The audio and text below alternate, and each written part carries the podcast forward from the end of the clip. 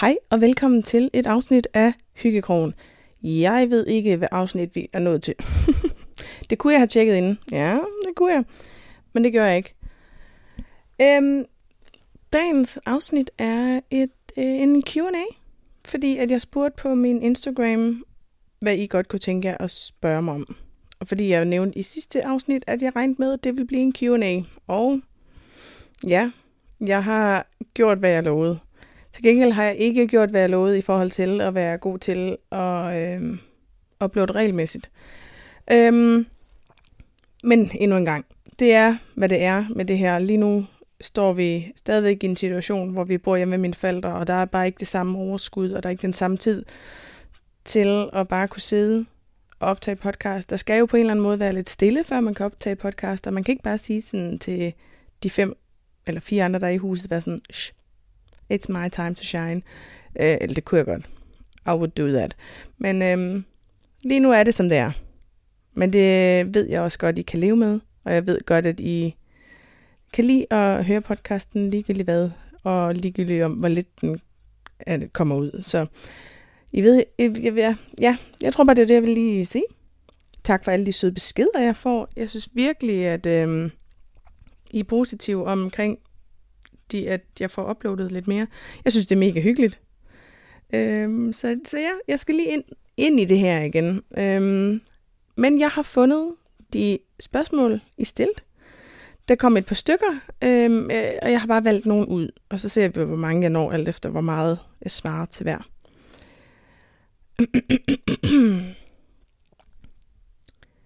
Der er en, der spørger, hvor gammel jeg var, da jeg startede med at bruge makeup.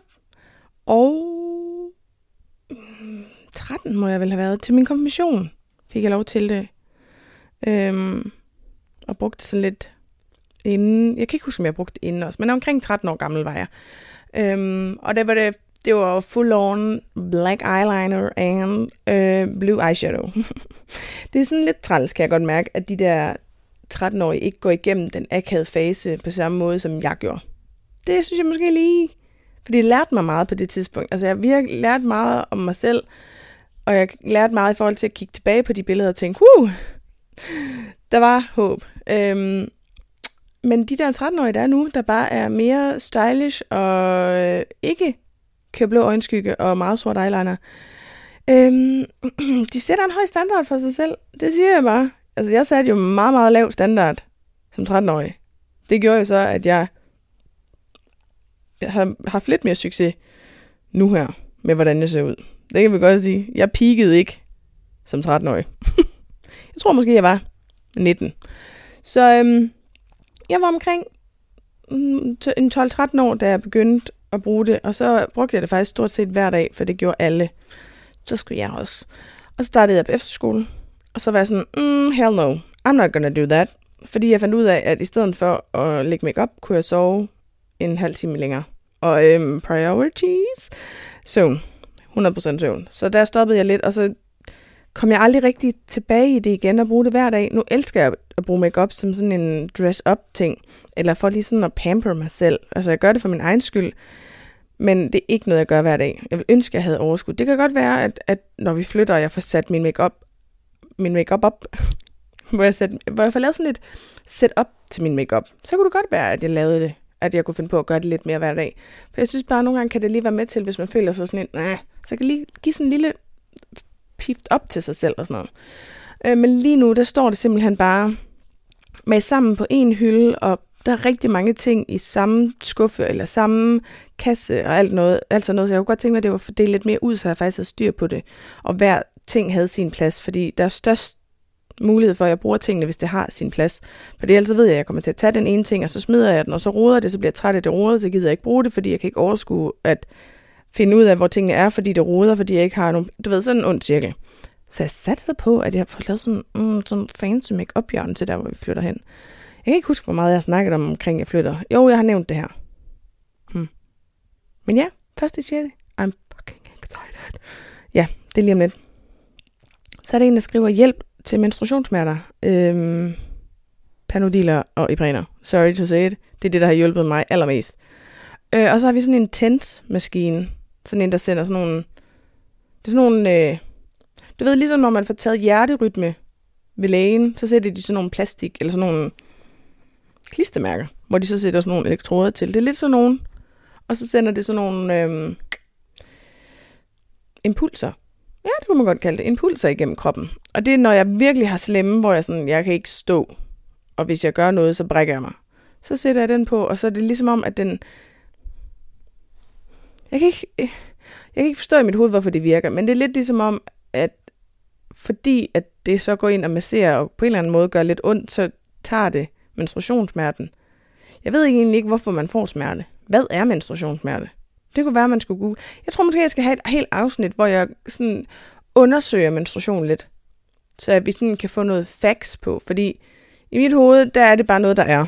I mit hoved er der noget, der sker, og hvorfor gør min krop det her? Det er fordi, det gør den bare. Men det kunne være nice lige at få lidt mere viden end, hvad der sker sådan før, og hvad sker der efter, og hvad er det egentlig? Og hvorfor gør kroppen egentlig? Men, men øh, ja, sig til, hvis I godt kunne tænke jer sådan et lille mens-afsnit, så vi kan snakke noget mere om det, for det selvfølgelig også bare er fucking vigtigt, for vi snakker alt for lidt om menstruation. Altså jeg vil ønske, at vi bare sådan råbte ud til verden hele tiden. Det er også meget voldsomt at råbe ud til verden hele tiden, ikke? Men jeg føler bare, at det er en ting, vi burde snakke så meget mere om. Så øhm, ja, det var det spørgsmål, og jeg kan ikke sige andet end, at hjælp til menstruationsmatter er panodilaprener for mig. Når folk de er sådan, mm, du skal bare gå ned og træne, så er jeg sådan, fuck dig. Du skal ikke bede mig om at træne og have mine menstruationsmerter, fordi så øh, øh, dør jeg. Jeg har prøvet det nogle gange at være sådan, nej okay, det kan godt være, det hjælper at gå en tur. Så går jeg en tur, så går jeg halvvejs af turen, og så er jeg ved at dø og føle, at jeg skal kaste op, fordi det hele gør så ondt. Det hjælper ikke en skid. Så står jeg bare ude midt på en cykelsti, jeg har fucking ondt. Så vil jeg hellere ligge hjemme i min seng med min pose chips og chokolade, okay? Det var meget aggressivt. Det, jeg har ikke min menstruation nu her, bare rolig. Så er der et spørgsmål, der hedder, er dig og din kæreste nogensinde uvenner? Og hvis ja, hvordan håndterer I det? Vi er aldrig på den måde uvenner. Vi er nogle gange uenige. Det er vi ofte. Men en af de ting i det forhold her, jeg har lært allermest, det er kommunikation. Kommunikation, kommunikation, kommunikation. Det er og bliver det vigtigste. Mathias er jo trods alt min første kæreste, så jeg har aldrig prøvet sådan andet. Men øhm, vi snakker om tingene, og vi er rigtig og blevet rigtig bedre, blevet bedre. Vi er blevet bedre til at virkelig kommunikere. Og jeg døjer rigtig meget med mit mentale helbred. Surprise! øhm, men det, så kræver det en virkelig, virkelig meget mere, eller jeg ved ikke, om det kræver mere, men det kræver i hvert fald meget at kommunikere. Når man, fordi nogle gange har jeg nogle dårlige dage, og det kommer desværre bare til at gå ud over ham.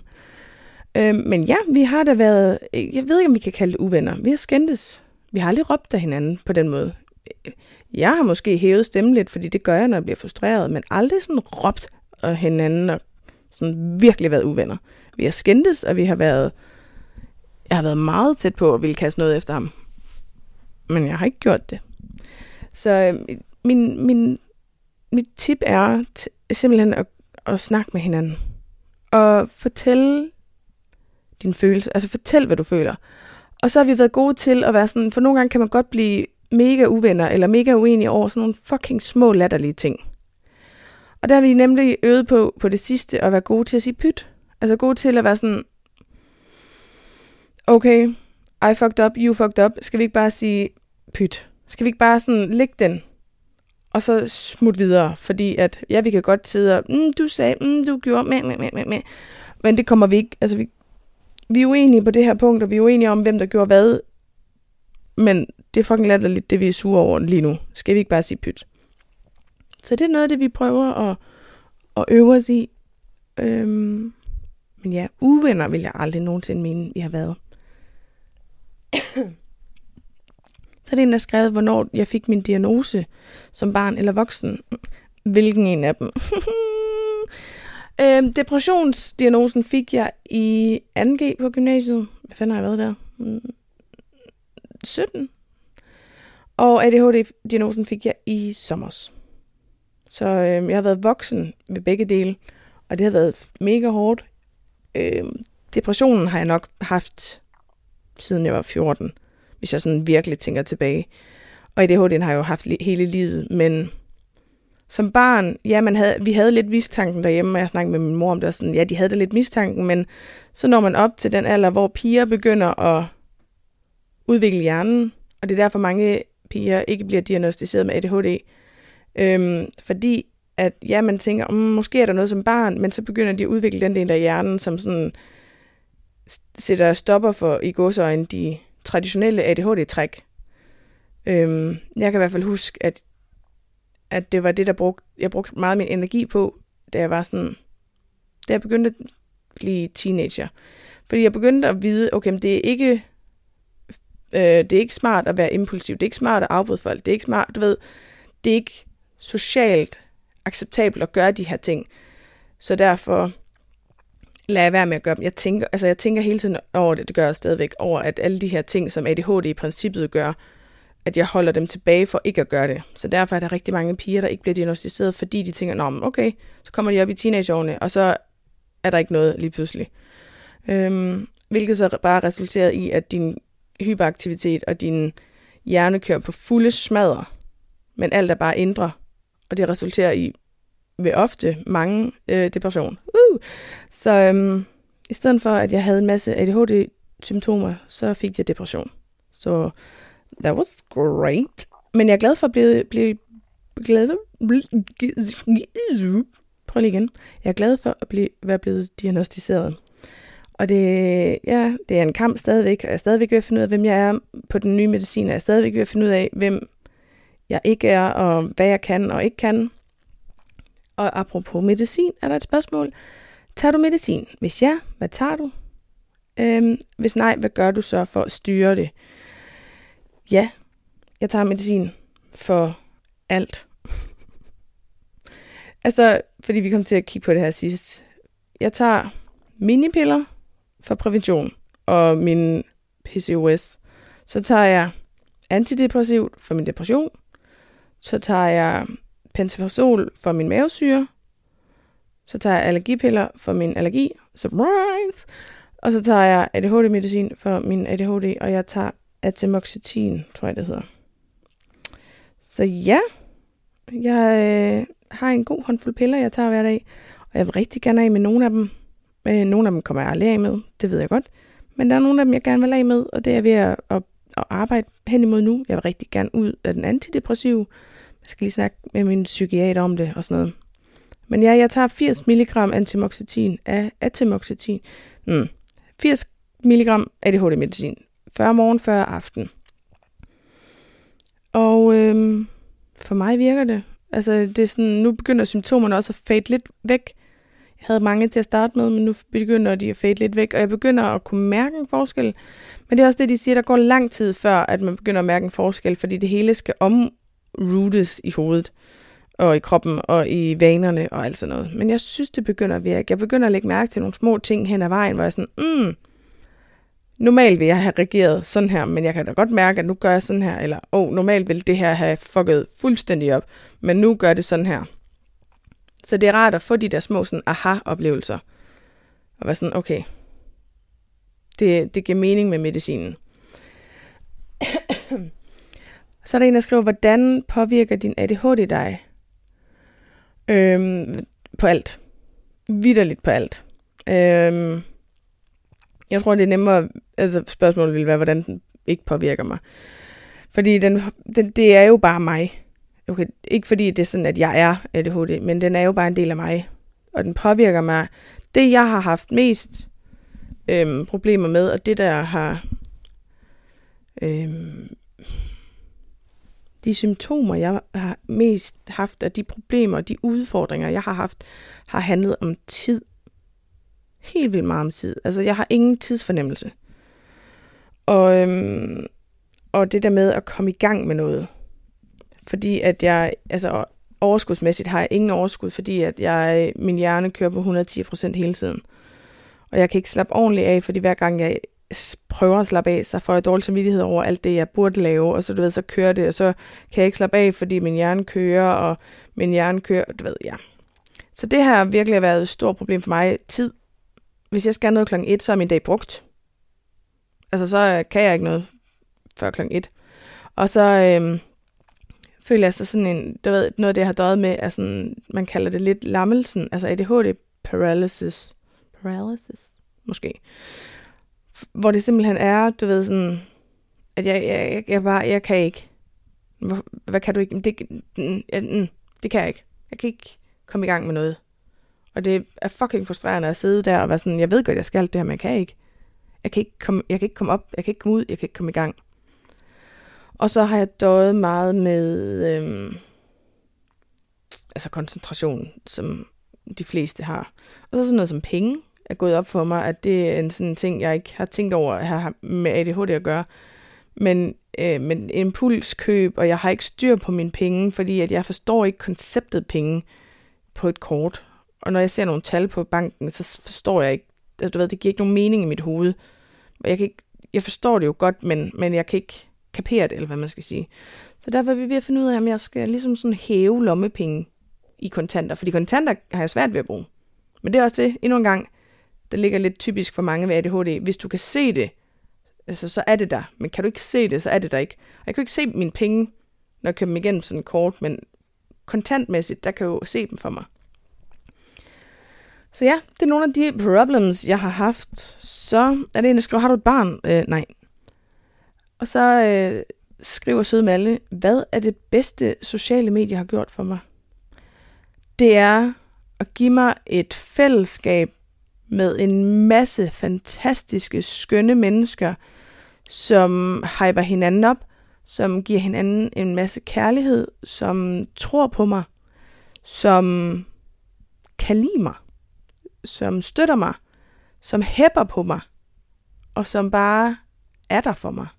Så sidder jeg her og bliver lidt, lidt emotional, fordi det er sgu det, at sociale medier har givet mig, og det bedste, det har gjort for mig, det er, at jeg har mødt alle jer, der sidder og lytter med derude.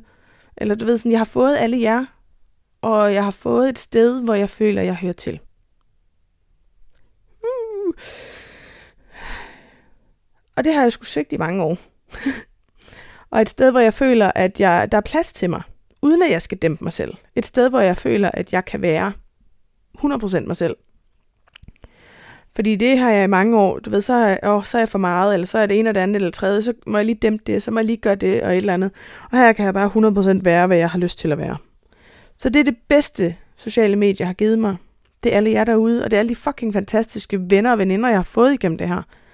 Altså nogle af dem, jeg snakker med mest på daglig basis, er nogle af dem, jeg har mødt igennem en lille app, der hedder TikTok. Altså hvad, hvad, hvad er livet? Og så er det har det givet mig en mulighed for at udfolde mig kreativt.